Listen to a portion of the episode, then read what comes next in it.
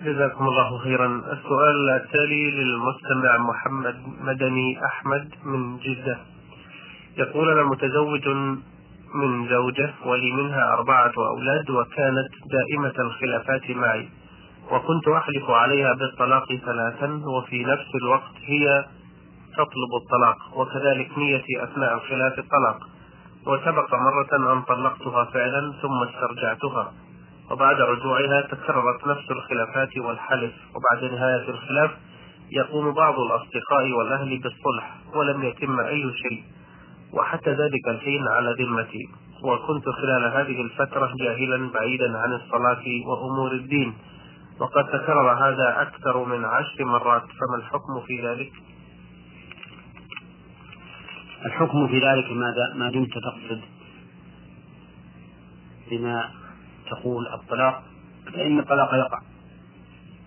وإذا وقع الطلاق فإنه إذا تكرر ثلاثا حرمت عليك حتى تنكح زوجا غيرك بنكاح صحيح ثم يكون الفراق بينه وبينها بموت أو طلاق أو نحوه وتنقضي عدتها فحينئذ تحل لك. هذا إذا كان ما فعلته من المعاصي لا يخرجك من الإسلام. أما إذا كانت المعصية التي تمارسها وتقوم بها تخرج من الإسلام فإن الرجل يرتد والعياذ بالله ينفسخ نكاحه إلا أن يتوب ويرجع إلى الإسلام قبل انقضاء العدة فإن نكاحه باقي وكذلك أيضا بعد انفساخ بعد انتهاء العدة على قول راجح ما دام للزوجة رغبة في الرجوع إليه. نعم. أحسن الله إليكم. هذا السائل أحمد السيد أحمد مصري يعمل بالأردن عمان. يقول ما مقدار الزكاة في نصاب الذهب؟ وما هو مقدار النصاب في الذهب والفضة؟ وهل المال العائد به معي من عملي في خارج بلدي عليه زكاة؟ وإن كان عليه زكاة فهل تقع عن الموجود معي فقط أم الذي أرسلته في السنوات السابقة إلى أهلي للمصروف؟ وعن قطعة الأرض لبنائها منزلا وهل الذي أدفعه إلى أخي آه، مصاريف دراسية وما شابه ذلك يجوز اعتباره من الزكاة أم لا تحل الزكاة على أخي؟ هذه عدة مسائل في هذا السؤال أما الأول أما الأولى فهي نصاب الذهب والفضة. نصاب الذهب عشرون مثقالا. نعم. وأما ويساوي الجرام خمسة خمسة وثمانين جراما. نعم. وأما نصاب الفضة فهو مئة وأربعون مثقالا. ويساوي بدرهم الفضة السعودية ستة وخمسين ريال. وأما الأموال التي تحصلها في بلد غير بلادك فتجب فيها الزكاة كما لو حصلتها في بلادك. وما تم عليه الحول وجب إخراج زكاته. وما فرغته لأهلك قبل تمام الحول أو لنفسك فإنه لا زكاة فيه. لأن من شروط وجوب الزكاة تمام تمام الحول. وأما ما تعطيه لأخيك بنفقاته المدرسية فإن كان أخوك تجب عليك نفقته فإن هذا من النفقة عليه لا فلا تحتسبه من الزكاة. وإن كانت نفقته لا تجب عليك لكون الأب موجودا فإن لك أن تحتسبه من الزكاة ما دام أبوك لا يستطيع الإنفاق عليه. والإنفاق أو الصدقة على الأقارب المستحقين لها إذا لم تجد نفقتهم أفضل من الصدقة على غيرهم لأنها تجمع بين الصدقة والصلة. نعم. وعن قطعة الأرض التي يريد أن يبنيها منزلا؟ وأما قطعة الأرض التي يريد أن يبنيها مسكنا له فليس فيها شيء شيء من الزكاة لأن جميع عروض التجارة أو جميع العروض التي لا تجب الزكاة في أصلها ليس فيها زكاة. إلا إذا أعدها للتجارة أما إذا أعدها للسكنى أو للاستعمال المنزلي أو ما أشبه ذلك فليس فيها شيء. إلا أن الذهب والفضة ولو كان حليا مستعملا ففيه الزكاة على القول الراجح إذا بلغ النصاب. نعم. بالنسبة للأرض لو كان مترددا بين بنائها أو الاتجار بها؟ لو كان مترددا بين بنائها والاتجار بها فلا شيء عليه أيضا. نعم. لأنه لا بد أن يكون عازما على أنها للتجارة إذ أن الأصل عدم وجود الزكاة في الأراضي والعقارات حتى يتحقق أنها للتجارة وإذا كانت للإيجار إذا كانت للإيجار فليس فيها زكاة كعينها بعينه نعم. ولكن الزكاة في أجرتها إذا تم عليها الحول. وبلغت نصابا نعم. نعم. بارك الله فيكم وأثابكم أيها الجماعة فرج الحربي من جدة. يقول والدي توفي وترك ميراثا مع وصية بثلث مع وصية بثلث مما يملك. صدقة عنه لله. وبعد وفاة الوالد وقبل تقسيم الميراث توفيت الوالدة تاركة وصية بالثلث من ميراثها صدقة لله تعالى. وبقي من الورثة أربع بنات وابنان. ولم يتفقوا على كيفية قسمة الميراث مع الوفاء بوصيتي الأب والأم. فكيف العمل في ذلك؟ بسم الله الرحمن الرحيم. الحمد لله رب العالمين. والصلاة والسلام على نبينا محمد وعلى آله وأصحابه أجمعين. أما والدكم فإنها يؤخذ منها الثلث ثلث مال أولا. من أجل صرفه إلى الوصية. ثم يقسم الباقي فتأخذ والدتكم وهي زوجته إن كانت باقية في ذمته حتى مات تأخذ الثمن. والباقي يكون بينكم للذكر مثل حظ الأنثيين. يكون لكل ذكر سهمان ولكل أنثى سهم واحد.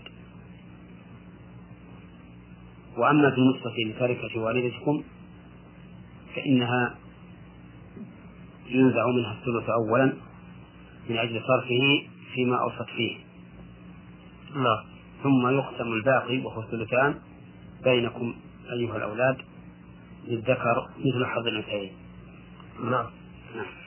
بارك الله فيكم. هذا السائل من السودان محمد عثمان أحمد يقول لماذا بعض علماء الأصول يقولون إن من موانع اعتبار الدليل مفهوم المخالفة ولذلك يقدمون المنطوق من الآيات والأحاديث بالأخذ على المفهوم منها عند التعارض. فهل لقاعدتهم هذه نص ينص عليها من الكتاب والسنة أم لا؟ وإذا لم يكن لها نص من الكتاب والسنة فما حكم هؤلاء في الإسلام لأنهم يرفضون بشدة حكم المفهوم من الآيات القرآنية والأحاديث النبوية إذا تعارض مع المنطوق؟ فمثلا يرفضون حكم ما تضمنته آية المائدة وهي قوله تعالى وطعام الذين أوتوا الكتاب حل لكم وطعامكم حل لهم بدعوى أنها مفهوم ويأخذون ما تضمنته آية الأنعام. وهي قوله تعالى فكلوا مما ذكر اسم الله عليه إن كنتم بآياته مؤمنين.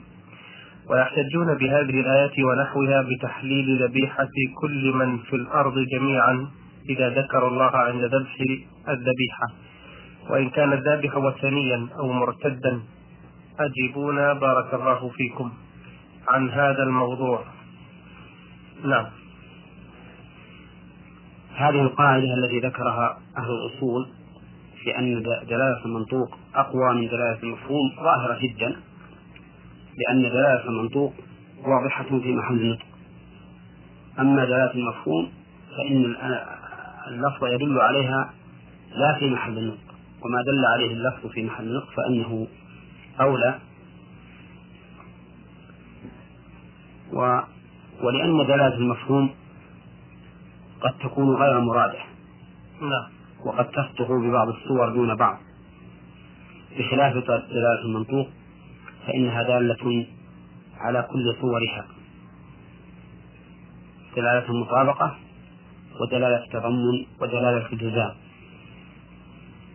وأما ما ذكره السائل من التمثيل في آية المائدة مع آية الأنعام فإنه لا ريب أن غير أهل الكتاب لا تحل ذبيحتهم. لأن الله تعالى خصص ذلك بقوله وطعام الذين أوتوا الكتاب حل لكم. وهذا القيد ليس من باب اللقب كما قاله بعضهم وإنما هو من قيد الوصف إذ أن صلة الموصول بمنزلة الوصف. فأنت إذا قلت يعجبني الذي فهم فهو بمنزلة قولك يعجبني الفاهم. آه. والفاهم وصف وله مفهوم يعلق به الحكم. فطعام الذين أوتوا الكتاب هو كقولك طعام المؤتين الكتاب. وهذا وصف وليس لقبا كما ادعاه بعضهم. وبناء على ذلك تكون دلالة المنطوق فيه ظاهرة ودلالة المفهوم فيه ظاهرة لأن الحكم إذا علق على وصف ثبت بوجوده وانتفى بانتفائه. فيكون منطوق الآية طعام الذين أوتوا الكتاب حل وطعام غير الذين أوتوا الكتاب ليس بحل. وبهذا يكون قوله تعالى فكلوا مما ذكر اسم الله عليه أي مما ذبحه من هو أهل للذبح وهو المسلم والكتابي. اليهود والنصارى. هذا هو القول الراجح الذي عليه جمهور أهل العلم. نعم. نعم. السؤال الثاني يقول آه، رجل طلق امرأته ثلاث مرات متفرقة غير أنه طلقها في طهر جامع فيه في كل مرة. هل يقع بهذا ثلاثة أو ثلاث تطليقات في هذه الحالة أم لا؟ هذه المسألة بناء على أنه طلق ثلاث مرات وكل مرة يعتبرها طلقة ويعتد بها ما أستطيع أن أفتي فيها برأي وأرى أن يستفتي فيها أحدا من علماء بلده وفيهم الكفاية إن شاء الله تعالى. الله. بارك الله فيكم. هذا السائل عبد الله عين ميم عين مصري يعمل بالعراق. يقول سؤالي مكون من ثلاث فقرات عن الطلاق. يقول زوجتي فعلت شيئا لا يرضيني حتى إنني غضبت منها غضبا شديدا وأقسمت عليها أربع طلقات. لو تكرر هذا العمل مرة أخرى فسوف أضربك ضربا شديدا. وبعدها تصالحنا وحافظت على القسم. وبعد ذلك تهاونت مرة أخرى وذلك عن نسيان منها كما تقول هي. فما الحكم في هذا؟ نقول إنه لا ينبغي للإنسان إذا أراد أن يؤكد شيئا أن يؤكده بالطلاق. نعم. لأن ذلك بمعنى اليمين. وقد قال النبي عليه الصلاة والسلام من كان حالفا فليحلف بالله أو ليصمت. فإذا أردت أن تؤكد شيئا فأكده باليمين بالله سبحانه وتعالى لا لا بالطلاق. وذلك لأن التأكيد بالطلاق خلاف المشهور. ولأن التأكيد بالطلاق يرى كثير من أهل العلم أو أكثر أهل العلم أنه يثبت به حكم الطلاق لا حكم اليمين. فيكون الإنسان بذلك مخاطرا فيما إذا حلف بالطلاق على زوجته أن تفعل شيئا أو أن لا تفعله.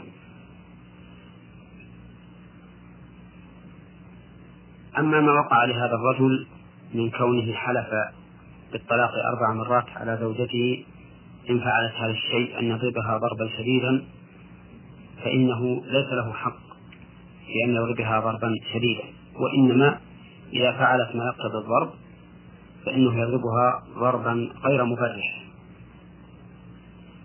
وعليه فإنه لما عادت إلى فعل هذا الشيء الآن لا يضربها ذلك الضرب الشديد الذي حلف بالطلاق عليه ولكن يكفر عن طلاقه هذا أو عن حلفه بطلاقه هذا يكفر كفارة يمين. وكفارة يمين كما ذكر الله عز وجل إطعام عشرة مساكين أو كسوتهم أو تحرير رقبة فمن لم يجد فصيام ثلاثة أيام. وإطعام العشرة المساكين له وجهان. الوجه الأول أن يصنع غداء أو عشاء ويدعو عشرة مساكين يأكلون. والوجه الثاني أن يطعمهم شيئا غير مطبوخ ومقداره ستة كيلو من الرز. يعطيها العشرة وإذا حصل أن يجعل معها شيئا من الإدام من لحم أو غيره فإنه أكمل وأفضل. نعم. الحالة الثانية يقول نهيت زوجتي عن فعل شيء غير الأول وقلت لها لو أن أحدا من أسرتي أقصد والدي أو والدتي قال لك افعلي ذلك العمل فقولي إن زوجي قد نهاني عن ذلك بالطلاق. وعندما تغيرت عن المنزل علمت أنها فعلت ذلك فغضبت غضبا شديدا وقلت لها أنت طالق مرتين. وكنت أقصد بهذا اللفظ أني أذكرها بما قلت لها عن هذا العمل سابقا. فما الحكم في ذلك؟ الحكم في ذلك أن قولك الأخير أنت طالق إذا كنت في غضب شديد لا تدري ما تقول فإنه لا يقع الطلاق منك أما إذا كنت في حال تملك نفسك ويمكنك أن تتصرف تصرفا سليما وقلت لها أنت طالق وادعيت أن ذلك تذكير لها بما سبق فإن هذا يرجع فيه إلى المحكمة لأنك ادعيت خلاف الظاهر. فإن الظاهر من هذه الجملة أنك أوقات الطلاق عليها لمخالفتها. ما ذكرت؟ وحيث إنك ادعيت خلاف الظاهر فإنه لا بد من أن يكون ذلك راجعا إلى المحكمة. إلا إذا صدقتك المرأة بما تقول فإنه, فإنه يقبل منها منك تلك الدعوة. ولكن كلامك الحقيقة خلاف الواقع. ادعاؤك أن هذا تذكير بما سبق خلاف ظاهر الكلام والأحوال المقترنة به. فعليك يا أخي أن تتقي الله عز وجل وأن لا تلتمس الحيل في مثل هذه الأمور العظيمة الخطيرة بل عليك أن تكون صادقا فيما تقول. وأرى أنه لا بد من رفع هذه المسألة إلى المحكمة لتنظر في الأحوال وفي إمكان صدقك فيما ادعيت من عدمه. الحالة الأخيرة يقول في هذه الأيام التي أعمل فيها بالعراق أرسلت لزوجتي رسالة بعدم فعلها لشيء آخر غير الأول والثاني. وبعدها أرسل لي أحد أفراد أسرتي بأنها فعلت ما نهيتها عنه فغضبت غضبا شديدا حتى إنني لم أذهب إلى العمل في اليوم الثاني وأرسلت شريطا مسجلا عليه لوالدي آه، قولي إن زوجتي لا بد أن تخرج من البيت لأنني طلقتها لأنني طلقتها ولا أدري كم مرة قلت تلك العبارة. ولكن والدي لم يبلغ زوجتي بذلك وأرسل لي رسالة وأنكر فيها ما قاله أخي وأقسم أنها لم تفعل شيئا. وأرسلت رسالة لزوجتي وقلت لها إنك لابد أن تخرجي من البيت وإن شاء الله عندما أرجع سوف أعطي لك كل ما لك من جهاز ونحوه. ولكن الرسالة أخذتها والدتي من موظف البريد دون علم زوجتي أن لها رسالة ولم تظهرها لها. يعني أن زوجتي لم تقرأ الرسالة ولم تعلم بما فيها وكذلك لم تعلم بالشريط المسجل عليه. الطلاق فما الحكم في هذا؟ وهل يجوز لي الاستمرار في الحياة الزوجية معها؟ طلاقك الأول الذي أرسلت إلى والدك الشريط كان مبنيا على أنها فعلت ما نهيتها عنه. وإذا تبين أنها لم تفعله فإنه لا يقع عليك الطلاق لأن الطلاق المبني على سبب إذا تبين عدم وجود السبب فإنه لا طلاق حينئذ.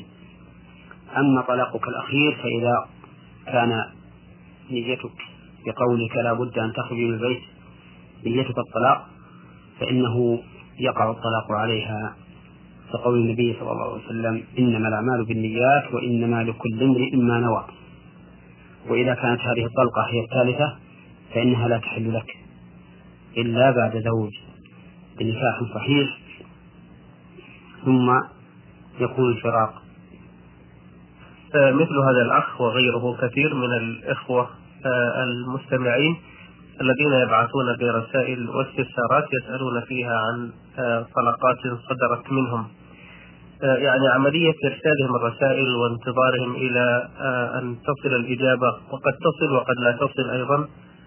هذا ربما قد يفوت عليهم شيئا من ناحية الحكم الشرعي فيما لو كان هناك حكم بعدم وقوع الطلاق أو حكم بجواز الرجعة. يعني قد تفوت مدة العدة المحددة. فهل يعني عملية انتظارهم هذه شيء لا بأس به أو يجب أن يبحثوا حولهم عن حكم أو عن حل لقضيتهم؟ الذي أرى أنه كما قلت يجب أن يبحثوا عن علماء نعم. في أماكنهم حتى يبثوا بالأمر نعم. فإن هذا أولى وأحسن والحمد لله لا تخلو في بقاع الأرض من علماء يبين يبينون للناس أحكام شريعة الله سبحانه وتعالى ثم إني أيضا أنصح هؤلاء الناس نعم. عن التلاعب العظيم بالطلاق كل إنسان يطلق على أدنى سبب ثم بعد ذلك يذهب إلى أعتاب العلماء في كل مكان ليحصل له المخلص مما وقع فيه. فإن هذا خلاف العقل وخلاف الاتزان. والإنسان إذا غضب يجب أن يملك نفسه لأن النبي عليه الصلاة والسلام قال له رجل أوصني يا رسول الله قال لا تغضب. ردد مرارا قال لا تغضب. وأخبر صلى الله عليه وسلم أن الشديد هو الذي يملك نفسه عند الغضب وليس الشديد بالسرعة إنما هو الذي يملك نفسه عند الغضب حتى لا ينفذ ما حمله غضبه عليه. بارك الله فيكم. هذه الرسالة من المستمع جعيت هزاع من الخرج. يقول ما هي قصة قول الرسول صلى الله عليه وسلم ليس منا من دعا إلى عصبية وقوله صلى الله عليه وسلم دعوها فإنها منتنة. وهل يدخل في ذلك من يتفاخرون بأنسابهم وعراقة أسرهم ويمنعون بناتهم من التزوج إلا بمن كان من مستواهم نسبا فقط؟ بصرف النظر عن الاعتبارات الأخرى التي أرشد إليها الدين الحنيف وكذلك أبناؤهم لا يتزوجون من بنات غيرهم إلا ممن كانوا في مستواهم نسبا وما هي نصيحتكم لهم؟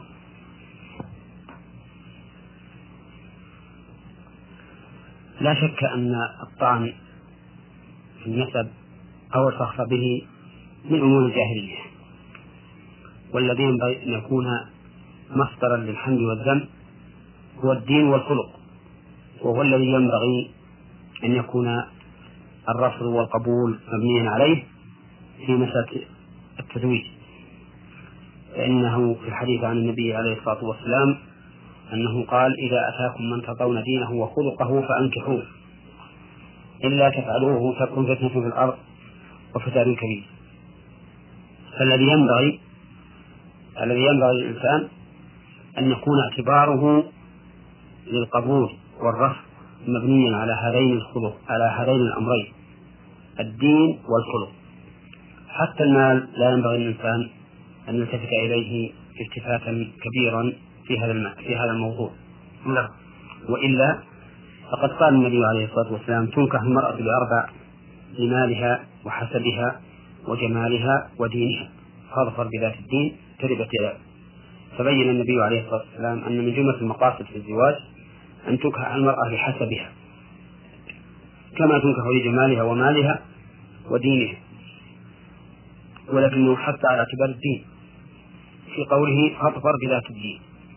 ولا ريب أيضا أن الحسب له أثره في العلاقات بين الناس ولكن كون نجعله هو, هو الأول والأخير وهو الذي تبنى عليه الأمور في القبول أو هذا أمر لا ينبغي.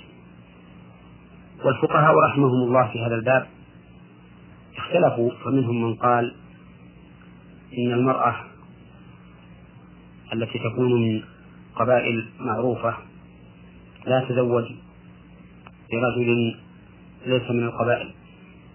نعم. وبعضهم يقول تزوج ولكن لمن لم يرضى من أوليائها أن يفسخ النكاح. والذي أرى أنه لا ينبغي أن يعتبر إلا ما اعتبره الشرع من الدين والخلق. ولكن الناس ولكن الناس إذا اعتادوا شيئا لا يكون مخالفا للشرع ويكون موافقا لقول من أقوال أهل العلم فإنه لا يعاب عليهم ولا ينكر عليهم ما دام قد قال به أحد من أهل العلم وليس فيه مخالفة لنفس وعلى كل حال فالذي ينبغي اعتباره هو الخلق والدين والله أعلم.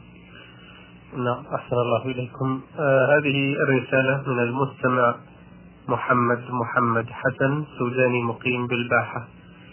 يقول لقد سمعت كثيرا أن الذكر الجماعي بدعة ولا يجوز ولكن حسب علمي المتواضع اطلعت على بعض الأحاديث التي تفيد أنه لا حرج في ذلك ومن تلك الأحاديث ما رواه مسلم بما معناه أنه ما جلس قوم في بيت من بيوت الله يتلون كتاب الله ويتدارسونه بينهم إلا نزلت عليهم السكينة. وغشيتهم الرحمة وحفتهم الملائكة وذكرهم الله في من عنده.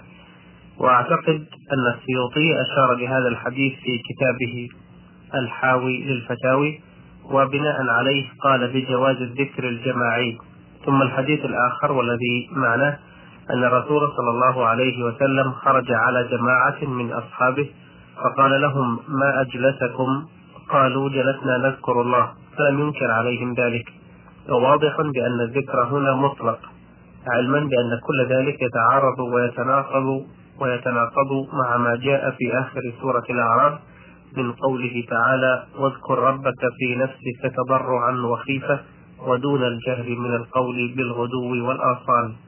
نرجو أن توضحوا لنا الصواب في هذا الموضوع وفقكم الله. الصواب في هذا الموضوع أن الحديث الذي أشار إليه السائل بل الحديثان في الذين يتدارسون كتاب الله ويتلونه وكذلك في القوم الذين يذكرون الله أن هذا مطلق فيحمل على المقيد المتعارف في عهد النبي صلى الله عليه وسلم وأصحابه. ولم يكن من المتعارف بينهم أنهم يذكرون الله تعالى بلفظ جماعي أو يقرؤون القرآن بلفظ جماعي. وفي قوله ويتدارسونه بينهم يدل على أن هذه هذه المدارسة تكون بالتناوب إما أن يقرأ واحد فإذا أتم قراءته قرأ الثاني ما قرأ الأول وهكذا وإما أن يكون كل واحد منهم يقرأ جزءا ثم يقرأ الآخر مما وقف عليه الأول. هذا هو ظاهر الحديث. وأما الحديث الآخر الذي فيه أنهم يذكرون الله تعالى فإن نقول هذا مطلق ويحمل على ما كان متعارفا عليه في عهد النبي صلى الله عليه وسلم وأصحابه ولم يكن متعارفا بينهم أن يجتمعوا وأن يذكروا بذكر واحد جماعة. ويدلك على هذا أن الصحابة رضي الله عنهم مع النبي صلى الله عليه وسلم في الحج كان منهم المكبر ومنهم المهلل ومنهم الملبي فكل إنسان يذكر الله تعالى لنفسه نعم. وأما قوله تعالى واذكر ربك في نفسك تضرعا وخيفة ودون الجهل من القول بالغدو والآصال فهذا المراد به الذكر الخاص للمرء وهو أيضا مخصوص بما قال دلت عليه السنة من الجهل به فإنه قد ثبت عن النبي عليه الصلاة والسلام من حديث ابن عباس رضي الله عنهما أن رفع الصوت بالذكر حين ينصرف الناس من المكتوبة كان على عهد النبي صلى الله عليه وسلم. ولهذا يشرع الجهر بالذكر بعد الصلاة المكتوبة لأن هذا هو المعروف في عهد النبي صلى الله عليه وسلم. وأما قول بعض أهل العلم إن الإصرار به أفضل وإجابته وإجابتهم عن حديث ابن عباس بأن ذلك للتعليم فإن فيه نظرا. نعم. وذلك لأن التعليم يحصل بدون هذا. فإن الرسول عليه الصلاة والسلام قد علم فقراء المهاجرين ماذا يقولونه دبر الصلاة قال عليه الصلاة والسلام تسبحون وتحمدون وتكبرون دبر كل صلاة ثلاثة وثلاثين. ثم إن التعليم يحصل بالمرة الواحدة لا بأن يحافظ عليه النبي عليه الصلاة والسلام في كل صلاة أو يحافظون عليه في عهد الرسول عليه الصلاة والسلام في كل صلاة. ثم نقول سلمنا أنه للتعليم. فهو للتعليم في أصل الذكر وفي صفته. بمعنى أن الرسول يعلمهم ما هو الذكر الذي يقال في أدبار الصلوات وما كيفية آه، تلاوة هذا الذكر والإتيان به أنه يكون جهرا. وهذا هو القول الذي يؤيده حديث ابن عباس المذكور وهو في صحيح البخاري. نعم. نعم. جزاكم الله خيرا وأحسن إليكم. آه خاء سين ميم من الرياض يقول في سؤاله الأول كنت متزوجا من امرأة وحسب الظروف العائلية طلقتها إلا أنني عند ذهابي إلى المحكمة الشرعية كان معي والدي واثنين من الشهود لكن والدي قال لي قل للقاضي طلقتها منذ ستة أشهر لئلا تكون ملزما بالنفقة خلال الفترة الماضية عن مطالبتهم لك عند مطالبتهم لك فيما بعد. ولجهلي وعدم معرفتي نسلت ما قال لي والدي. فهل علي ذنب في ذلك؟ وهل الطلاق صحيح علما بأنني طلقتها بالثلاث وصدر بذلك فك شرعي أفيدونا جزاكم الله خيرا فأنا لست مرتاحا نفسيا مما نصحني به والدي وعملت به. نعم. الحمد لله رب العالمين وأصلي وأسلم على نبينا محمد وعلى آله وأصحابه أجمعين. لا شك أن ما أمرك به والدك محرم لأنه تضمن الكذب وإسقاط حق المرأة. الإنفاق عليها مدة العدة وعليه أن يتوب إلى الله ويرجع إليه لعل الله أن يتوب عليه. أما بالنسبة لحق الزوجة فإن عليك أن تؤدي إليها نفقتها في العدة منذ كتبت طلاقها. وأما طلاقك إياها وإقرارك بأنك طلقتها منذ ستة أشهر فإن كنت قد نويت وقوعه في الحال فإن الطلاق يقع. ويلغو قولك قبل ستة أشهر. وإن لم تنوي وقوعه في الحال فلا بد من مراجعة القاضي حتى يحكم لك بمقتضى قولك فيما يراه في هذه المسألة. وإني أنصح والدك وكل من يستمع إلى هذا البرنامج بأن يتقوا الله عز وجل وأن يعلموا أن كل كسب يكسبونه أو كل غرامة تندفع عنهم بسبب الكذب فإنه لا خير لهم في ذلك. وأن يعلموا أن الدنيا دار ممر ومتاعها قليل ولكن الأعمال الصالحة أغلى وأنفس. فإن تسبيحة أو تكبيرة أو تحميدة خير من الدنيا وما فيها. وهذه الحقوق التي تنتهك بسبب الكذب سوف يأخذها أصحابها يوم القيامة من أعمالهم الصالحة. السؤال الثاني يقول لدي بنت من المرأة المطلقة. وكنت أعطيهم نفقتها منذ بداية طفولتها لفترة من الزمن إلا أنهم أنكروا ما قد أعطيتهم من مصروف لابنتي وتوقفت من إعطائهم أي شيء خوفا من نكراني فيما بعد عند مطالبتي لابنتي أو عند مطالبتي بابنتي. والآن بلغت البنت سبع سنوات فهل لي الحق في أخذها؟ وكيف يمكن لي إعطاؤهم مصروف السنوات الماضية؟ وكيف يقدر هذا المصروف منذ طفولتها إلى أن بلغت سبع سنوات؟ جواب هذه المسألة يكون عند المحكمة. نعم. فإن تراضيت معهم على شيء وتصالحت على شيء فأنتم على ما استطعتم عليه ما دام في نطاق الحدود الشرعية. وإن لم يكن اتفاق وصلح فلن يزيل هذه هذه المشكلة. ولم يفض النزاع إلا الحاكم الشرعي. نعم. آه له سؤال أخير يقول شاب بلغ من العمر 31 سنة وخلال هذه الفترة من الزمن وبعد سن الرشد ترك الصوم والصلاة لمدة سنتين فقط من هذا العمر فهل لهذا كفارة علما بأنه الآن يؤدي الصلوات الخمس ويصوم رمضان إلا أنه متألم وخائف من الله حسرة على ما فاته في تلك السنتين بركنين من أركان الإسلام. نعم. هذه المسألة اختلف فيها أهل العلم. في من ترك العبادات المؤقتة حتى خرج وقتها بدون عذر. فمنهم من قال إنه يجب عليه القضاء. ومنهم من قال إنه لا يجب عليه القضاء. مثال ذلك رجل ترك الصلاة عمدا حتى خرج وقتها بدون عذر نعم. أو لم يصم رمضان عمدا حتى خرج وقته بدون عذر. فمن أهل العلم من يقول إنه يجب عليه القضاء لأن الله تعالى أوجب على الصائم على المسافر والمريض في رمضان أوجب عليهم القضاء. فإذا أوجب الله القضاء على المعذور فغيره من باب أولى. وثبت عن النبي عليه الصلاة والسلام أنه قال من نام عن صلاة أو نسيها فليصلها إذا ذكرها.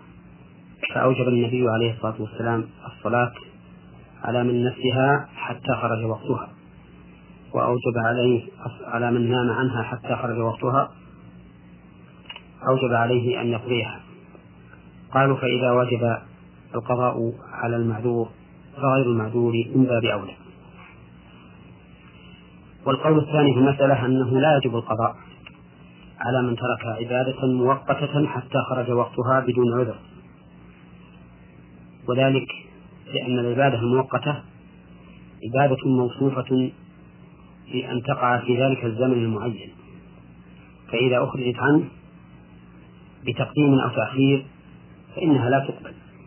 فكما أن الرجل لو صلى قبل الوقت لم تقبل منه على أنها فريضة ولو صام قبل شهر رمضان لم يقبل منه على أنه فريضة فكذلك إذا أخر الصلاة عن وقتها بدون عذر فإنها لا تقبل منه وكذلك لو أخر صيام رمضان بدون عذر فإنه لا يقبل منه. وهذا القول هو الراجح. وذلك لأن الإنسان إذا أخرج العبادة عن وقتها وعملها بعده فقد عمل عملا ليس عليه أمر الله ورسوله. وقد ثبت عن النبي صلى الله عليه وسلم أنه قال من عمل عملا ليس عليه أمرنا فهو رد. وإذا كان عمله مردودا فإنه فإن تكليفه لقضائه تكليف لا فائدة منه. وعلى هذا فنقول لهذا السائل ما دمت قد أخ... قد تركت الصلاة سنتين والصيام سنتين بدون عذر فإن عليك أن تتوب إلى الله توبة صادقة نصوحا وتكثر من الأعمال الصالحة ولا تقضي ما فات لأنك لو قضيته لم تنتفع منه ولكن التوبة تجب ما قبلها كما ثبت ذلك عن النبي صلى الله عليه وسلم. اللهم صل على محمد. بارك الله فيكم. آه سؤال التالي للمستمع أحمد مصري يعمل بمنطقة حائل يقول ما هي الكتب التي تفقه المسلم في أصول دينه وتوضح له الأحكام الشرعية الصحيحة؟ علما أنني سمعت في برنامجكم أن بعض الكتب غير مستندة إلى صحة فيما تشتمل عليه فأرجو إرشادي إلى أهم تلك الكتب الصحيحة. أهم الكتب كتاب الله عز وجل. نعم. تقرأه وتتعلم معناه. إما من خلال التفاسير الموثوقة وإما على أحد من أهل العلم.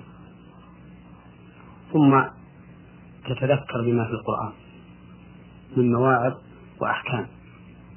كقول الله تعالى كتاب أنزلناه إليك مبارك ليدبروا آياته وليتذكر أولو الألباب. وبعد ذلك سنة الرسول عليه الصلاة والسلام.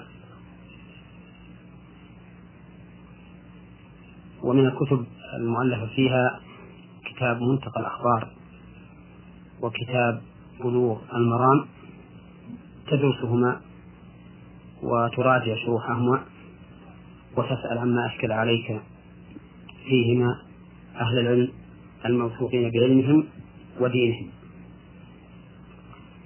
ثم ما تيسر لك من كتب الفقه على حسب توجيه من يكون عندك من أهل العلم في بلدك وإذا حصل للإنسان نية صحيحة في طلب العلم فإن الله تعالى ييسر له طريقه. وفي الصحيح الصحيح عن النبي عليه الصلاة والسلام من التمس طريقا يلتمس فيه من سلك طريقا يلتمس فيه علما نعم. سهل الله له به طريقا إلى الجنة. سؤاله الثاني يقول أنا شاب في السادسة والعشرين من عمري متزوج ولكن منذ زواجي هذا وأنا أعيش حياة غير سعيدة لأنني تزوجت هذه الزوجة لأجل أخي الأصغر والذي كان يريد الزواج من أختها الصغرى والتي تمسك والدها بأن لا يزوجه إياها إلا إذا تزوجت الكبرى. ولما أحسست بأن أخي سوف يضيع مستقبله بسبب هذه الفتاة تزوجت الكبرى وأنا أكرهها والآن أريد طلاقها فهل في ذلك إثم علي لأني أعرف أن أبغض الحلال عند الله الطلاق؟ علما أنني أمضيت معها سبع سنوات هي أسوأ سنوات عمري وبسببها تركت بلدي لأعمل هنا بالمملكة ولمدة أربع سنوات على التوالي لم أعد إليها وقد أنجبت منها طفلة فهل يجوز لي ذلك؟ وهل علي إثم في هجرها تلك المدة الطويلة؟ ما دمت يمكنك أن تصبر عليها فالصبر خير. لقوله تعالى فإن كرهتموهن فعسى أن تكرهوا شيئا ويجعل الله فيه خيرا كثيرا. لا سيما وأنها قد أنجبت منك ابنة فإنك لو فارقتها لكان في ذلك خطر على هذه البنت أن تضيع بينك وبين أمها أو بينك وبين أمها وزوجها الذي يتزوجها بعدك. نعم. وعلى هذا فالأولى لك الصبر. أما غيابك عنها لمدة أربع سنوات متوالية فإن الحق لها ما دامت لم تطالبك بذلك وأنت واثق أو أنت مطمئن عليها في بلدها فإنه لا حرج عليك أن تبقى هذه المدة. وأما إذا كنت تخشى عليها في بلدها أو كانت تطالبك بالحضور فلا بد من الحضور. إلا إذا كان بقاؤك هنا أمرا ضروريا لطلب المعيشة فإنك معذور في ذلك. ولك أن تخيرها بعد هذا فتقول إن شئت أن تصبري على هذا وإن شئت وسعت لك. نعم. نعم.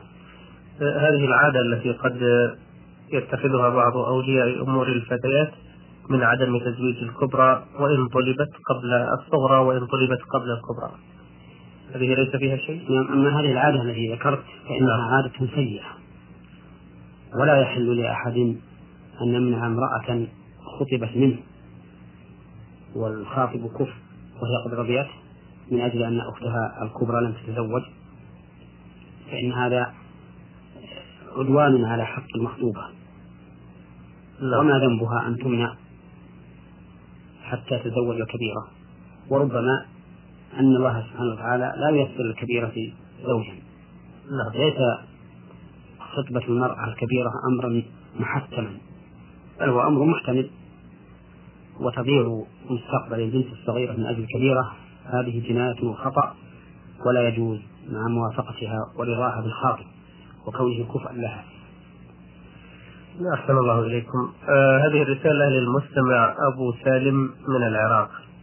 ضمنها سؤالين. السؤال الأول يقول بعض الناس عندنا يذبحون الذبائح لغير الله للإمام علي رضي الله عنه مثلا أو للشيخ عبد القادر. وأحيانا يكلفني بعضهم أن أذبح له بتلك النية ولكني في داخل نفسي أقول هي لله تعالى. لعلمي أن ذلك لا يجوز. فهل في هذا شيء وهل يلحقني شيء من الإثم؟ وهل يجوز الأكل من لحوم تلك الذبائح؟ الذبح من غير الله. شرك. نعم. لأن ذبح عبادة كما أمر الله به في قوله فصل لربك وانحر وقوله قل إن صلاتي ونسكي ومحياي ومماتي لله رب العالمين لا شريك له فمن ذبح لغير الله فهو مشرك شركا مخرجا عن الملة والعياذ بالله. سواء ذبح ذلك لملك من الملائكة أو لرسول من الرسل أو لنبي من الأنبياء أو لخليفة من الخلفاء أو لولي من الأولياء أو لعالم من العلماء. كل ذلك شرك بالله عز وجل ومخرج عن الملة. والواجب على المرء أن يتقي الله تعالى في نفسه وأن لا يوقع نفسه في ذلك الشرك الذي قال الله تعالى فيه إنه من يشرك بالله فقد حرم الله عليه الجنة ومأواه النار وما للظالمين من أنصار.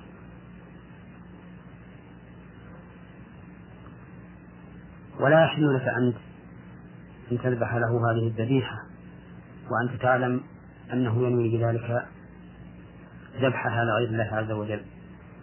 فإن فعلت فقد شاركته في الإثم. حتى لو نويتها لله فإن ذلك لا ينفع لأن الاعتبار بنية صاحبها الذي وكلك. نعم. فلا تفعل هذا. وأما الأكل من لحوم هذه الميتة من من لحوم هذه الذبيحة فإنه محرم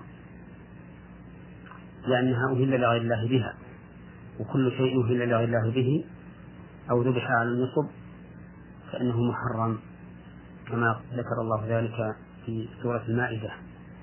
في قوله تعالى حرمت عليكم الميتة والدم ولحم الخنزير وما أهل لغير الله به والمنخنقة والموقودة والمتردية والنطيحة وما أكل السبع إلا ما ذكيتم وما ذبح على النصب فهي من قسم المحرمات لا يحل أكلها.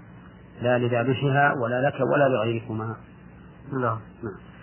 السؤال الثاني يقول لي صديق أراد أن يتزوج من إحدى الفتيات عندنا فعندما تقدم لخطبتها اشترط أهلها أن تكون أخته بديلة لها يتزوجها أحدهم فهل يجوز لو وافق على تزويج أحدهم أخته ويدفع لهم مهرا زيادة أم لا يجوز ذلك ما دام مشروطا هذا الزواج بذاك؟ هذا لا يجوز يمتنع أحد من تزويج موليته إلا إذا زوجه الخاطب موليته. نعم. فإن هذا محرم ولا يجوز وهو من نكاح الشغار الذي نهى النبي نهى النبي صلى الله عليه وسلم عنه. وذلك لأن المرأة أمانة بيد وليها. فإذا فتح الباب للأولياء في هذا في هذا صارت النساء لعبا بأيدي أوليائهن يزوجها من يحقق له رغبته ولو كان غير كفء. ويمنعها من لا يحقق له رغبته وإن كان كفءا. نعم. وهذا خلاف الأمانة التي أمر الله تعالى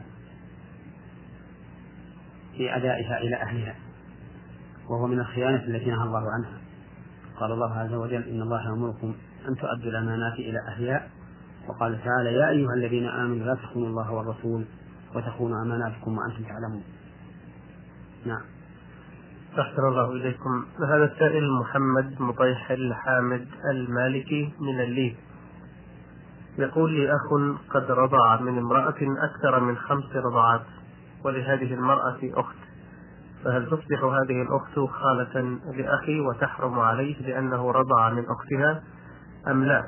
وبالنسبة لي أنا هل تحرم علي هذه المرأة التي أرضعت أخي وأختها أم لا؟ علما أنني لم أرضع منها نهائيا. أخوك الذي رضع من هذه المرأة خمس رضعات فأكثر قبل الفطام والحولين. نعم. يكون ابنا لها. وعلى هذا فتكون أختها خالة له. لا يحل له أن يتزوج بها. لقول النبي صلى الله عليه وسلم يحرم من الرضاع ما يحرم من النسب. فكما أن أخت أمك من النسب لا تحل لك وهي خالتك فكذلك أخت أمك من الرضاع لا تحل لك وهي خالتك. وأما بالنسبة لك أنت فإن فإن الرضاع لا ينتشر حكمه إليك لأن الرضاع لا ينتشر من قبل المرتضع إلا للمرتضع ومن تفرع منه من الذرية.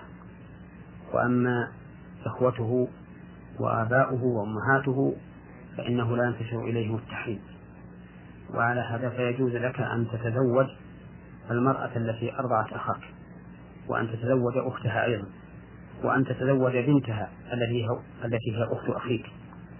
والمهم أن القاعدة في هذا الباب أن الرضاعة لا ينتشر بالنسبة للمرتبع إلا له ولمن تفرع منه من الذرية من ذكور وإناث وأولادهم وإن نزلوا أما آباؤه وأمهاته وإخوته وأخواته وأعمامه وعماته وخالاته وأخواله فلا ينتشر إليهم التحريم. وإنما لم ينتشر إليهم التحريم لأن النبي صلى الله عليه وسلم قال يحرم من الرضاع ما يحرم من النسب. وأنت بالنسبة إلى هذه المرأة التي أرضعت أخاك لا علاقة لك بها فهي ليست أمك وليست خالتك وليست أختك ولا عمتك. فإذا لا علاقة بينك وبينها وكذلك بقية أقارب المرتبع غير من تفرع منه من الذرية. أما من تفرع منه من الذرية فإن الرضاعة ينتشر إليهم لأن المرأة التي أرضعت والدهم هي جدتهم وأخواتها خالات للمرتبع وخالة الرجل خالة لمن تفرع منه كما أن عمة الرجل عمة لمن تفرع منه. والله أعلم. نعم. يعني حتى أولاد هذه المرأة التي أرضعت هذا الرجل وأولاده أيضا لا لا يجوز أن يتزوجوا من بعض.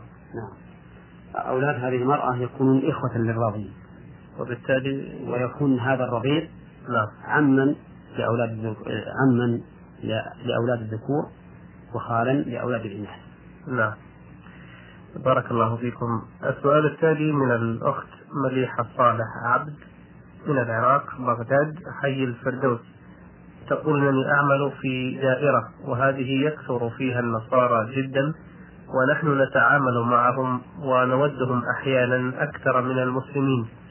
وأنا سمعت وقرأت أن هذا لا يجوز على الرغم من أنني أصوم وأصلي وأرتدي الحجاب الشرعي وأخاف الله. وأحيانا أجادلهم إلى درجة الخصومة ولكن دون جدوى. وأحيانا أو كثيرا ما يكذبوا أو يكذبون ما أقول ولكن بعد يوم أعود وأتكلم معهم طمعا في إسلامهم لأنهم يودونني كثيرا وأنا أظل في حيرة من هذه الصداقة.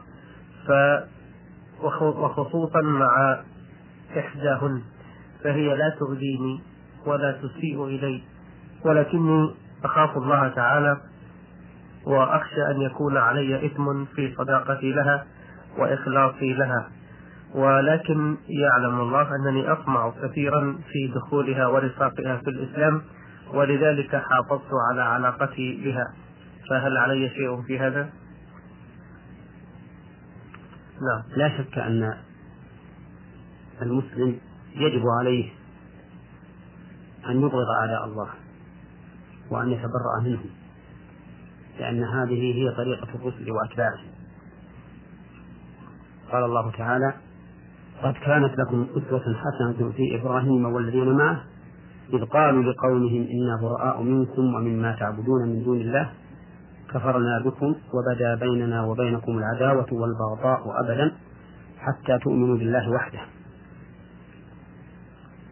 وقال تعالى لا تجد قوما يؤمنون بالله واليوم الآخر يوادون من حاد الله ورسوله ولو كانوا آباءهم أو أبناءهم أو إخوانهم أو عشيرتهم. أولئك كتب في قلوبهم الإيمان وأيدهم بروح منه.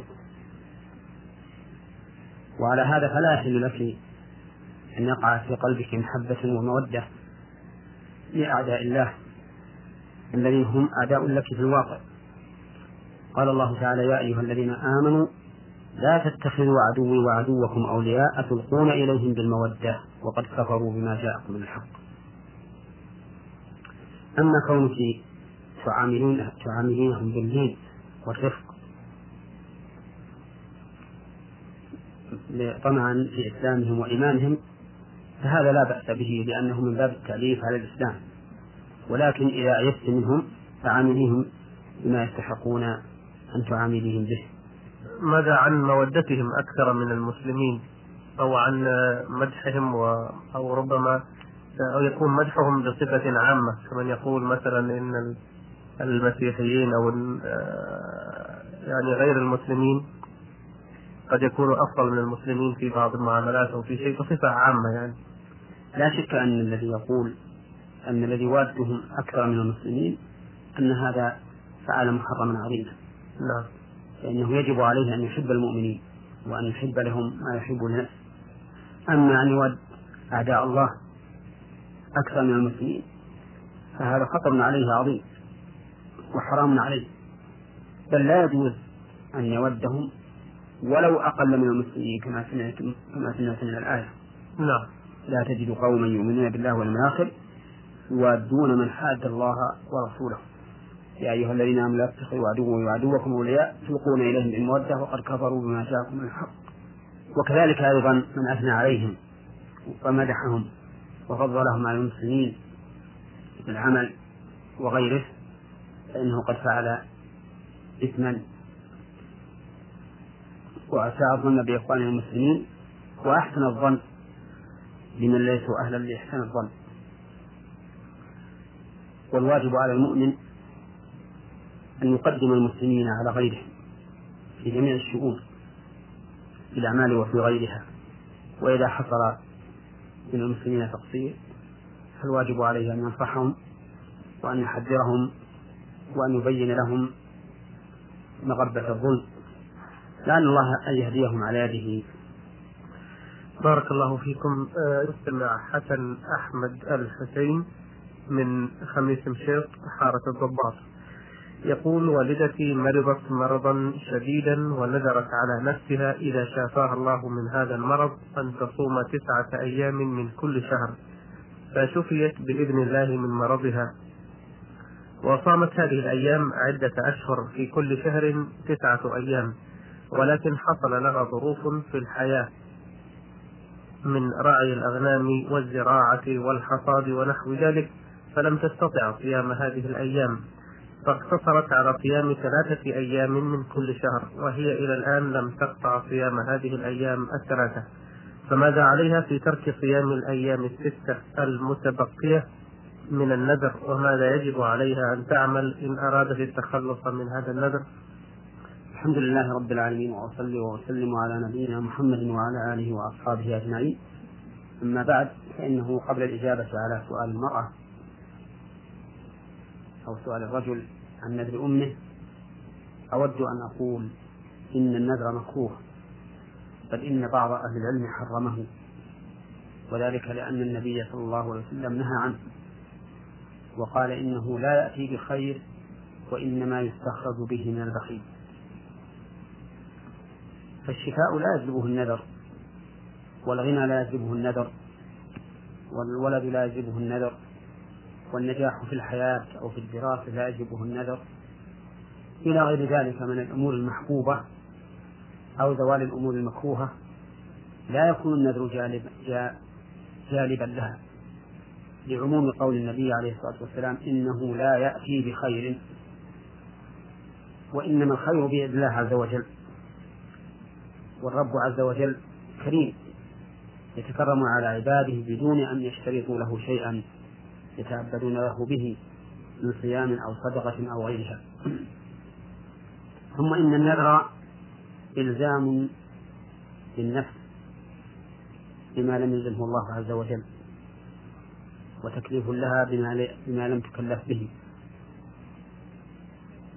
ثم إن كثيرا من الناذرين يصعب عليهم بعد ذلك الوفاء بالنذر ويشق عليهم وربما يتهاونون به ويدعونه وهذا خطر عظيم. واستمع إلى قول الله عز وجل ومنهم من عاهد الله لئن آتانا من فضله لنصدقن ولنكونن من الصالحين. فلما آتاهم من فضله بخلوا به وتولوا وهم معرضون فماذا كان حالهم بعد ذلك؟ ماذا كانت؟ قال الله تعالى فعاقبهم نفاقا في قلوبهم إلى يوم يلقونه بما أخلفوا الله ما وعدوه وبما كانوا يكذبون وما أكثر الناذرين الذين إذا نذروا شيئا بحصول شيء فحصل ذلك الشيء الذي علق عليه النذر ما أكثر الذين يتجولون يمينا وشمالا ليجدوا عالما يرخص لهم في الخلاص مما ألزموا به أنفسهم. فإذا علمت أيها المؤمن عاقبة النذر وعلمت أن النبي صلى الله عليه وسلم نهى عنه فإنك تتجنبه. طاعة للرسول صلى الله عليه وسلم وحماية لنفسك من أن تلزمها بما لم يلزمك الله به.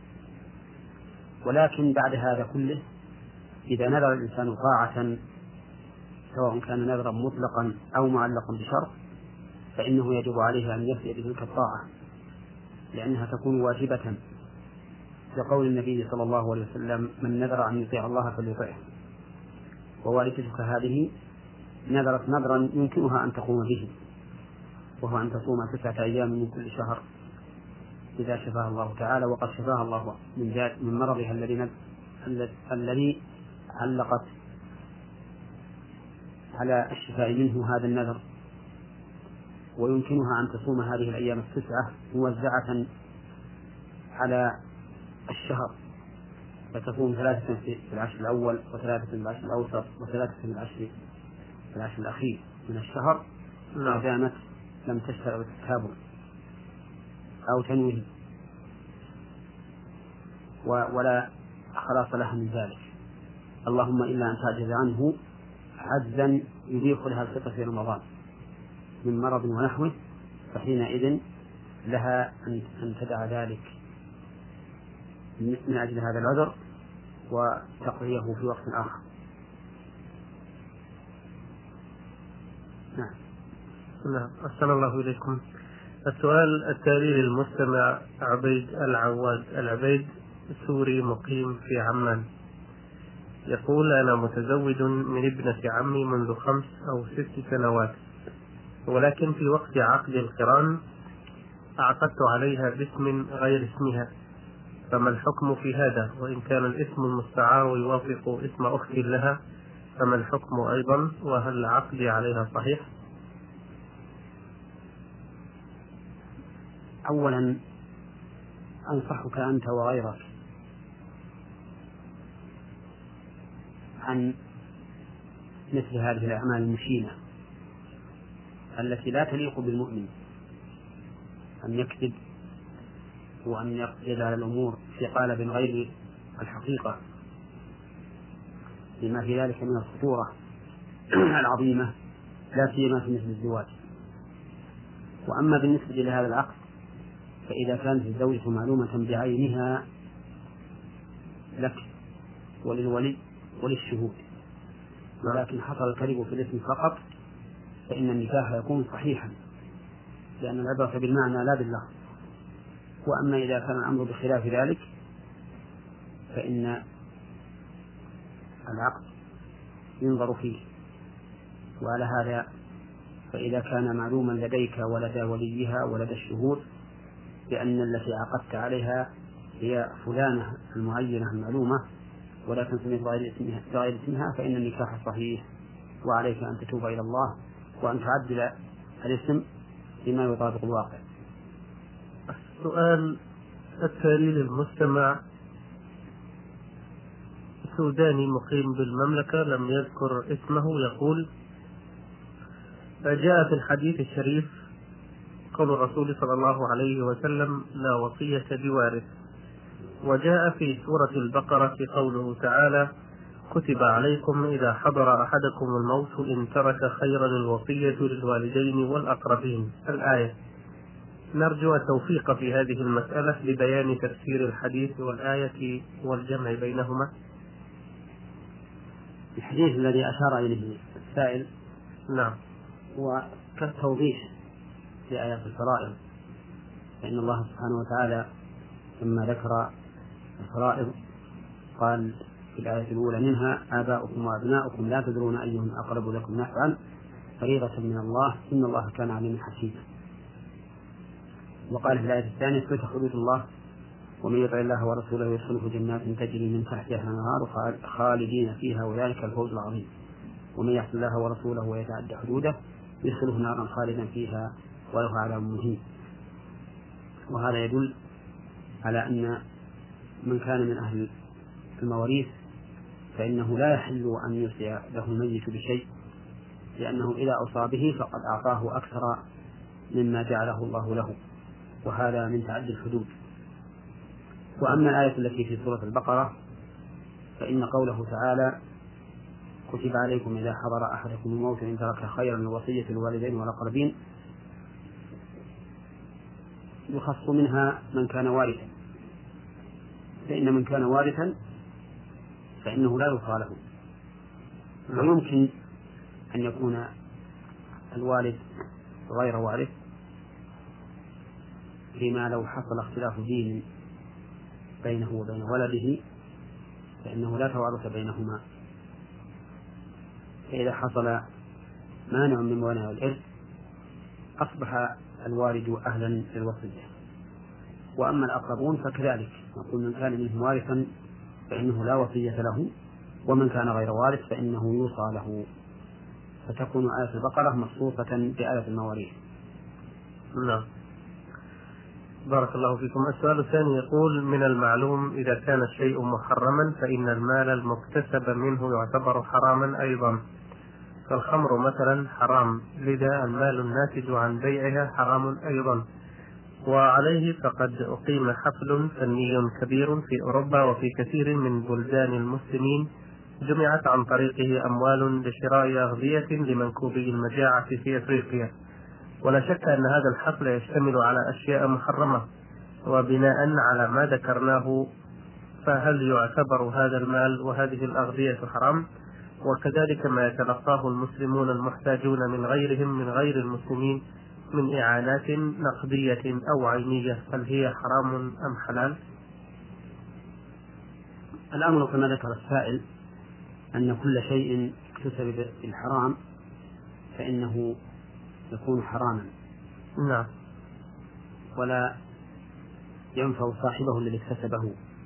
إن أنفقه لم يبارك له فيه وإن تصدق به لم يقبل منه وإن خلفه كان زادا له إلى النار. أما بالنسبة لمن بذل له ذلك الشيء فإنه لا يكون حراما عليه وذلك لأن التحريم كان للكسب لا للعيب. فكل شيء محرم لكسبه فكل شيء محرم لكسبه يكون حراما على الكاسب فقط. وأما من أخذه من هذا الكاسب بطريق حلال فإنه ليس حراما عليه. أما ما كان حراما لعينه فإنه حرام على الكاسب وعلى غيره. كما لو علمت أن هذا السارق سرق هذا الشيء من فلان فإنه لا يحل لك أن تأخذ هذا هذا المسروق. لأن عينه. اللهم إلا أن تأخذه استنقاذا لترده إلى صاحبه فإنه حينئذ يكون واجبا عليك إذا قدرت عليه بدون ضرر عليك. وكذلك ما يحصل من إعانات من غير المسلمين للمسلمين. يجوز قبولها بشرط أن لا يكون في ذلك إذلال للمسلمين. فإن كان هؤلاء الكفار يتبرؤون بهذه الأموال لإذلال المسلمين وإخضاعهم وكونهم تحت رحمتهم فإن ذلك لا يجوز لأنه لا ينبغي بل لا يجوز للمسلم أن يذل نفسه لا سيما أمام أعداء الله الكفار. نعم. جزاكم الله خيرا. آه هذه الرسالة من المستمع عوض ناصر أحمد اليافعي من الطائف. يقول في سؤاله الأول يوجد عندنا مسجد في القرية وهو مهجور منذ فترة طويلة ولا أحد يصلي فيه. وكذلك الماء لا يوجد فيه إلا أيام الأمطار وإن وجد هذا الماء فالمصلون يتوضؤون بهذا الماء الوضوء الكامل. فهل يجوز ذلك؟ علما بأنه يبقى فترة طويلة وتخرج منه رائحة ويتغير لونه ولا زالوا يتوضؤون منه فما هو الحكم في ذلك؟ وهل يجوز بناء مسجد آخر قريب منه؟ الحكم في ذلك أن وضوءهم من هذا الماء المتغير بمثله لا بأس به. وهذا الماء طهور وإن تغير لأنه لم يتغير بممازج خارج. نعم. وإنما تغير بطول مكته في هذا المكان. وهذا لا بأس به يتوضؤون منه ووضوءهم صحيح. أما إقامة مسجد آخر بقرب هذا المسجد فإنه لا يجوز. لأن ذلك من الإضرار بالمسجد الأول. وقد ذكر أهل العلم أن ذلك محرم وأنه يجب هدم المتأخر منهما لأنه هو الذي حصل به الإضرار ولا يخفى على الجميع. قول الله عز وجل والذين اتخذوا مسجدا ضرارا وكفرا وتفريقا بين المؤمنين وإرصادا لمن حارب الله ورسوله. لا يخفى على أحد هذه الآية. وأن كل من بنى مسجدا يحصل به الإضرار بالمسجد الآخر وتفريق بالسنين فإنه يكون له نصيب من هذه الآية. نعم. نعم. لكن لو عمل على إصلاح هذا المسجد وإعادة بنائه من جديد وتحسين؟ لكن هذا إذا كان هذا المسجد القديم لا يمكن الانتفاع به. نعم. فإنه لا بأس من تجديد بنائه على وجه يكون فيه راحة للمصلين. ومثل هذا ينبغي أن تراجع فيه الجهات المسؤولة حتى لا يتلاعب الناس بالمساجد القديمة. نعم. السؤال الثاني يقول توجد عند والدي أرض يقال لها السبيل لصالح المسجد المذكور ووالدي يقوم بواجب هذه الأرض ويأخذ النصف مقابل القيام بها والنصف الآخر للمسجد يسجله عنده بعد تحديد القيمة. ويظل المبلغ عنده رصيدا دون أن يعمل به شيئا لصالح المسجد. فهل يجوز ذلك أم يجب ترك هذا السبيل للمسجد بالكامل؟ وهل على والدي شيء لعدم قيامه بأي عمل لصالح المسجد من المبلغ الموجود عنده؟ وهل هو ملزم بذلك؟ لا شك أن جدك الذي أوقف هذا السبيل قد جعل له ناظرا عليه. من الذرية أو من غيرهم. وإذا كان والدك هو الناظر عليه فإن عليه أن يفعل ما هو أحسن لهذا الوقت من تنميته أو تنمية مغله. وله أن يأخذ إذا لم يتبرع بقدر عمله لأنه لا يلزم أن يعمل بشيء بدون أجرة. فله أن يأخذ ما يأخذه غيره بحسب العادة وحسب العرف. وأما ما يحصل من المغل الواجب عليه أن يصرفه لمصالح هذا المسجد ولا يعطله. فإن كان المغل أكثر مما يحتاجه المسجد وكان المغل يتوفر كل سنة فإنه يصرف الفاضل عن حاجة المسجد إلى مسجد آخر ليكثر بذلك أجر الموقف. نعم. ولا يعطل هذا المغل. نعم. سؤاله الثالث يقول هذا المسجد يحيط به سور وفي داخل هذا السور يوجد قبر. والقبر ليس داخل المسجد بل داخل السور المحيط بالمسجد والقبر. فهل آه، يجوز ذلك؟ وهل يؤثر هذا على صحة الصلاة في المسجد؟ الذي أرى أنه يجب عليك فورا من حين ما تسمع هذا الجواب نعم. أن تتصل بالمحكمة لديكم. حتى ينظر القاضي ماذا يأمر به نحو هذا القبر. لأنه لا يجوز أن يبقى القبر داخل رحبة المسجد. بل ينظر إذا كان القبر هو, هو الأول فيحترم القبر ويخرج من المسجد ويخرج من المسجد لتدخيل سور المسجد عنه حتى يكون خارجه. وإذا كان المسجد هو الأول فإنه ينبش القبر ويدفن في مقابر الناس. نعم. السؤال الأخير يقول توجد أرض لشخص يقال إنه أخذها من واحد. قال له إذا أنت ترغب في أخذ هذه الأرض ملكا فيجب أن تقرأ كل يوم جزءا من القرآن بعد صلاة الفجر. وأخذ هذا الرجل الأرض بذلك الشرط. والآن هذا الشخص يريد أن يسلم هذه الأرض لأنه عاجز عن الاستمرار في القراءة لكبر سنه. وأولاده لا يقرؤون القرآن وهو يخاف أن يموت أو يحدث آه، له أي مكروه بسبب ترك الأرض عند أولاده. فيقول كيف يعمل في هذه الأرض؟ لأن جميع الناس عندهم رفضوا أخذها بسبب شرط القراءة. فكيف يتصرف فيها؟ وما حكم أخذها وتملكها بذلك الثمن الذي هو القراءة؟ هذه الصيغة على وجهين. نعم. إن كان صاحب الأرض أراد أن يجعلها أجرة لمن يقرأ له هذا القدر كل يوم فإن هذه الأجرة لا تصح لأن القراءة من أعمال القرب وأعمال القرب لا يجوز أخذ الأجرة عليها. وإن كان صاحب الأرض قد أوقفها على من يقرأ كل يوم جزءا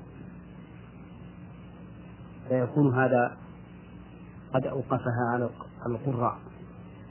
فمن لم يكن قارئا فإنه لا يستحق منها شيئا.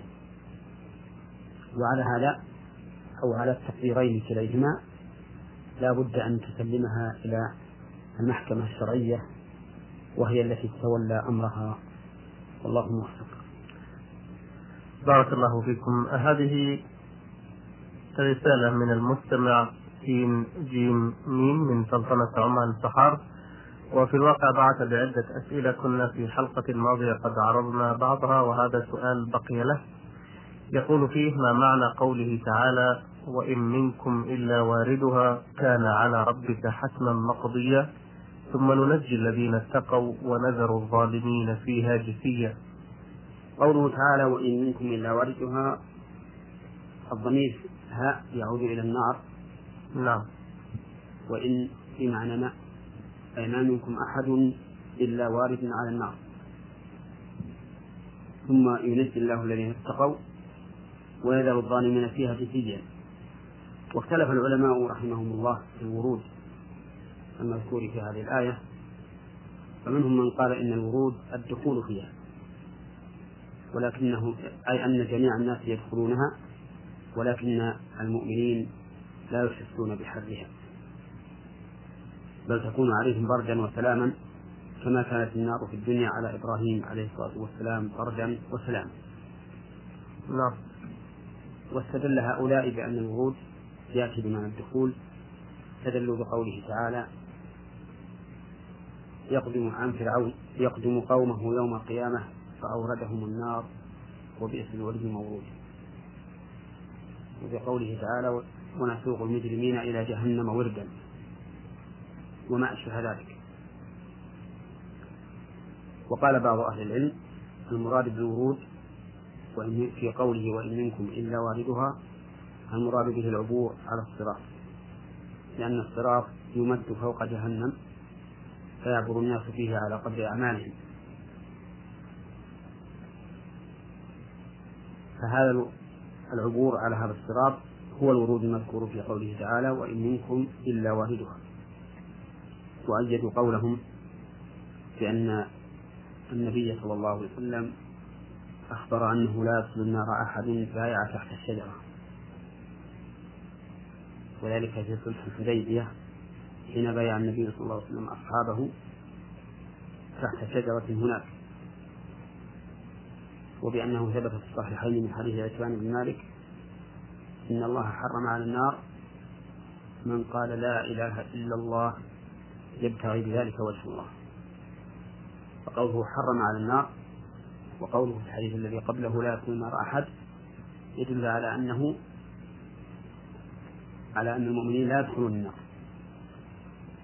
وإذا كان كذلك تعين أن يكون المراد بالورود هو المرور فوقها. وكلا القولين له وجه. والعلم عند الله تعالى. ولكن المهم أن نعلم علم اليقين أن من مات من أهل الكبائر فإنه إذا دخل النار يعذب بقدر ذنوبه ثم يخرج منها. إن شاء الله تعالى أن يعذبه. وقد يغفر الله له. لأن الله تعالى يقول إن الله لا يغفر أن يشرك به ويغفر ما دون ذلك لمن يشاء. نعم. ولكن ينبغي للإنسان بل يجب عليه أن يبادر بالتوبة من كل معصية لأنه لا يدري وربما لا يكون داخلا تحت مشيئة الله المغفرة له المغفرة له. فإن من مات بدون توبة من كبائر الذنوب غير الكفر والشرك فإنه يخشى أن لا يغفر الله له. لأن الله قيد المغفرة له بالمشيئة فقال لمن يشاء فلا ينبغي أن يتخذ بعض الناس هذه الآية سبيلا إلى التهاون بالتوبة وعدم المبالاة بفعل الكبائر. إذ لا يدري أيدخل في من شاء الله أن يغفر له أم لا يدخل فهو على خطر حتى يتوب إلى الله توبة نصوحة. نعم. جزاكم الله خيرا. أيها عوض الرحمن السوداني مقيم بالعراق. يقول ذات يوم فاتتنا صلاة العصر في وقتها ولم نتذكر إلا بعد سماع أذان المغرب فقمنا وصلينا المغرب مع الجماعة ثم صلينا بعده العصر. فرآنا أحد الإخوة وقال كان يجب عليكم أن تصلوا المغرب أولا ثم العصر ثم تصلوا المغرب ثانية فهل كلامه صحيح أم لا؟ وإن لم يكن صحيحا فما هو الحكم إذا في مثل هذه الحالة وماذا يجب علينا؟ الحمد لله رب العالمين وأصلي وأسلم على نبينا محمد وعلى آله وأصحابه أجمعين. الجواب على هذا السؤال هو أن الإنسان إذا نسي صلاة أو نام عنها وليس عنده من يوقظه ولا من يذكره حتى خرج وقتها. فإنه كما قال النبي عليه الصلاة والسلام يصليها إذا ذكرها لا كفارة لها إلا ذلك. وفي هذه المسألة التي وقعت للسائل الذي ينبغي أن يبدأ أولا بصلاة العصر ثم بصلاة المغرب حتى يكون الترتيب على حسب ما فرض الله عز وجل. لأن النبي صلى الله عليه وسلم لما فاتته الصلوات في أحد الأيام في غزوة الخندق قضاها مرتبة. وقد ثبت عنه صلى الله عليه وسلم أنه قال صلوا كما رأيتموني أصلي. وبناء على هذا فلو أنكم حينما جئتم إلى المسجد وهم يصلون المغرب دخلتم معهم بنية العصر. ثم إذا سلم الإمام من صلاة المغرب تأتون ببقية صلاة العصر. فتكون الصلاة مغربا للجماعة وتكون لكم عصرا. وهذا لا يضر أعني اختلاف نية الإمام والمأموم. لأن الأفعال واحدة. والذي نهى النبي صلى الله عليه وسلم عن الاختلاف فيه على الإمام هي الأفعال. دون النية بدليل أنه صلى الله عليه وسلم لما قال إنما جعل الإمام ليؤتم به فلا تختلفوا عليه قال فإذا كبر فكبروا ولا تكبروا حتى يكبر ثم ذكر الركوع والسجود. فيكون قوله فلا فإذا كبر فكبروا ولا تكبروا حتى يكبر يكون تفسيرا لقوله فلا تختلفوا عليه. أما النية فأمرها باطن لا يظهر فيها اختلاف على الإمام ولهذا كان القول الراجح في هذه المسألة أن نية الإمام إذا كانت مخالفة لنية المأموم فإنه لا بأس به. فتصح صلاة من يصلي العصر خلف من يصلي الظهر. وبالعكس وقد نص الإمام أحمد رحمه الله الرجل يأتي في ليالي رمضان والإمام يصلي التراويح أنه لا بأس أن يدخل مع الإمام بنية صلاة العشاء. نعم فتكون للإمام نافلة لأنها التراويح وهي لهذا الداخل فريضة لأنها صلاة العشاء. ولكن ما حدث منكم بناء على أنه وقع على سبيل الجهل حيث قدمتم المغرب على صلاة العصر فإنه لا حرج عليكم في ذلك ولا يلزمكم إعادة المغرب بعد صلاة العصر لأن الترتيب وقعت مخالفته عن جهل وإذا كانت عن جهل فلا حرج عليكم في ذلك. بل إن من أهل العلم من يقول إن الترتيب يسقط بخوف فوت الجماعة وبناء على هذا القول يصح لكم ويجوز أن تدخلوا مع الإمام بنية المغرب فإذا سلم أتيتم بعد ذلك بصلاة العصر. من أجل المحافظة على إدراك صلاة الجماعة. والله أعلم. جزاكم الله خيرا. آه، لو كان الإنسان في من قادم أو قادما من سفر وقد أجل صلاة لكي يجمعها مع آه، التي بعدها جمع تأخير ووصل المدينة في وقت الصلاة التي بعدها والجماعة يصلون تلك الصلاة. كمن آه، أخر المغرب ليصليه مع العشاء. ووصل المدينة وأهلها يصلون صلاة العشاء. فهل ينضم معهم لصلاة العشاء أم يصلي المغرب قبلها؟ ينضم معهم بنية صلاة المغرب كما قلت؟ لا. وفي هذه الحال إن كان قد دخل مع الإمام في الركعة الثانية وما بعدها لا فالأمر ظاهر إن رفع إن دخل مع الإمام في الركعة الثانية سلم معه لأنه يكون صلى ثلاثا. لا وإن دخل في الثالثة أتى بعده بركعة. أما إن دخل في الركعة الأولى من صلاة العشاء وهو يصلي بنية المغرب لا فإن الإمام إذا قام إلى الرابعة يجلس هو ويتشهد ويسلم ثم يدخل مع الإمام في بقية صلاة العشاء حتى يدرك الجماعتين في الصلاتين يعني ينفصل عن إمامه؟ ينف- نعم ينفرد عن إمامه ويسلم. نعم. وهذا الانفصال جائز لأنه لعذر. والانفصال لعذر جائز. كما ذكر ذلك أهل العلم. ومن ذلك أي من الانفصال للعذر؟ ما لو طرأ على الإنسان في أثناء الصلاة. طارئ يستلزم السرعة في الصلاة. فإن له أن ينفرد عن الإمام ويكمل صلاته خفيفة ثم يذهب إلى هذا الطارئ مثل لو حصل له ألم في بطنه أو اضطرار إلى تبول أو تغوط أو حصل في معدته هوجان نعم. يخشى أن يقيء في صلاته وما أشبه ذلك. المهم أن الانفراد لعذر عن الإمام جائز وهذا انفراد لعذر. ثم إنه لا حرج عليك في هذه الحال إذا أتيت وهم في صلاة العشاء أن تدخل معهم بنية صلاة العشاء.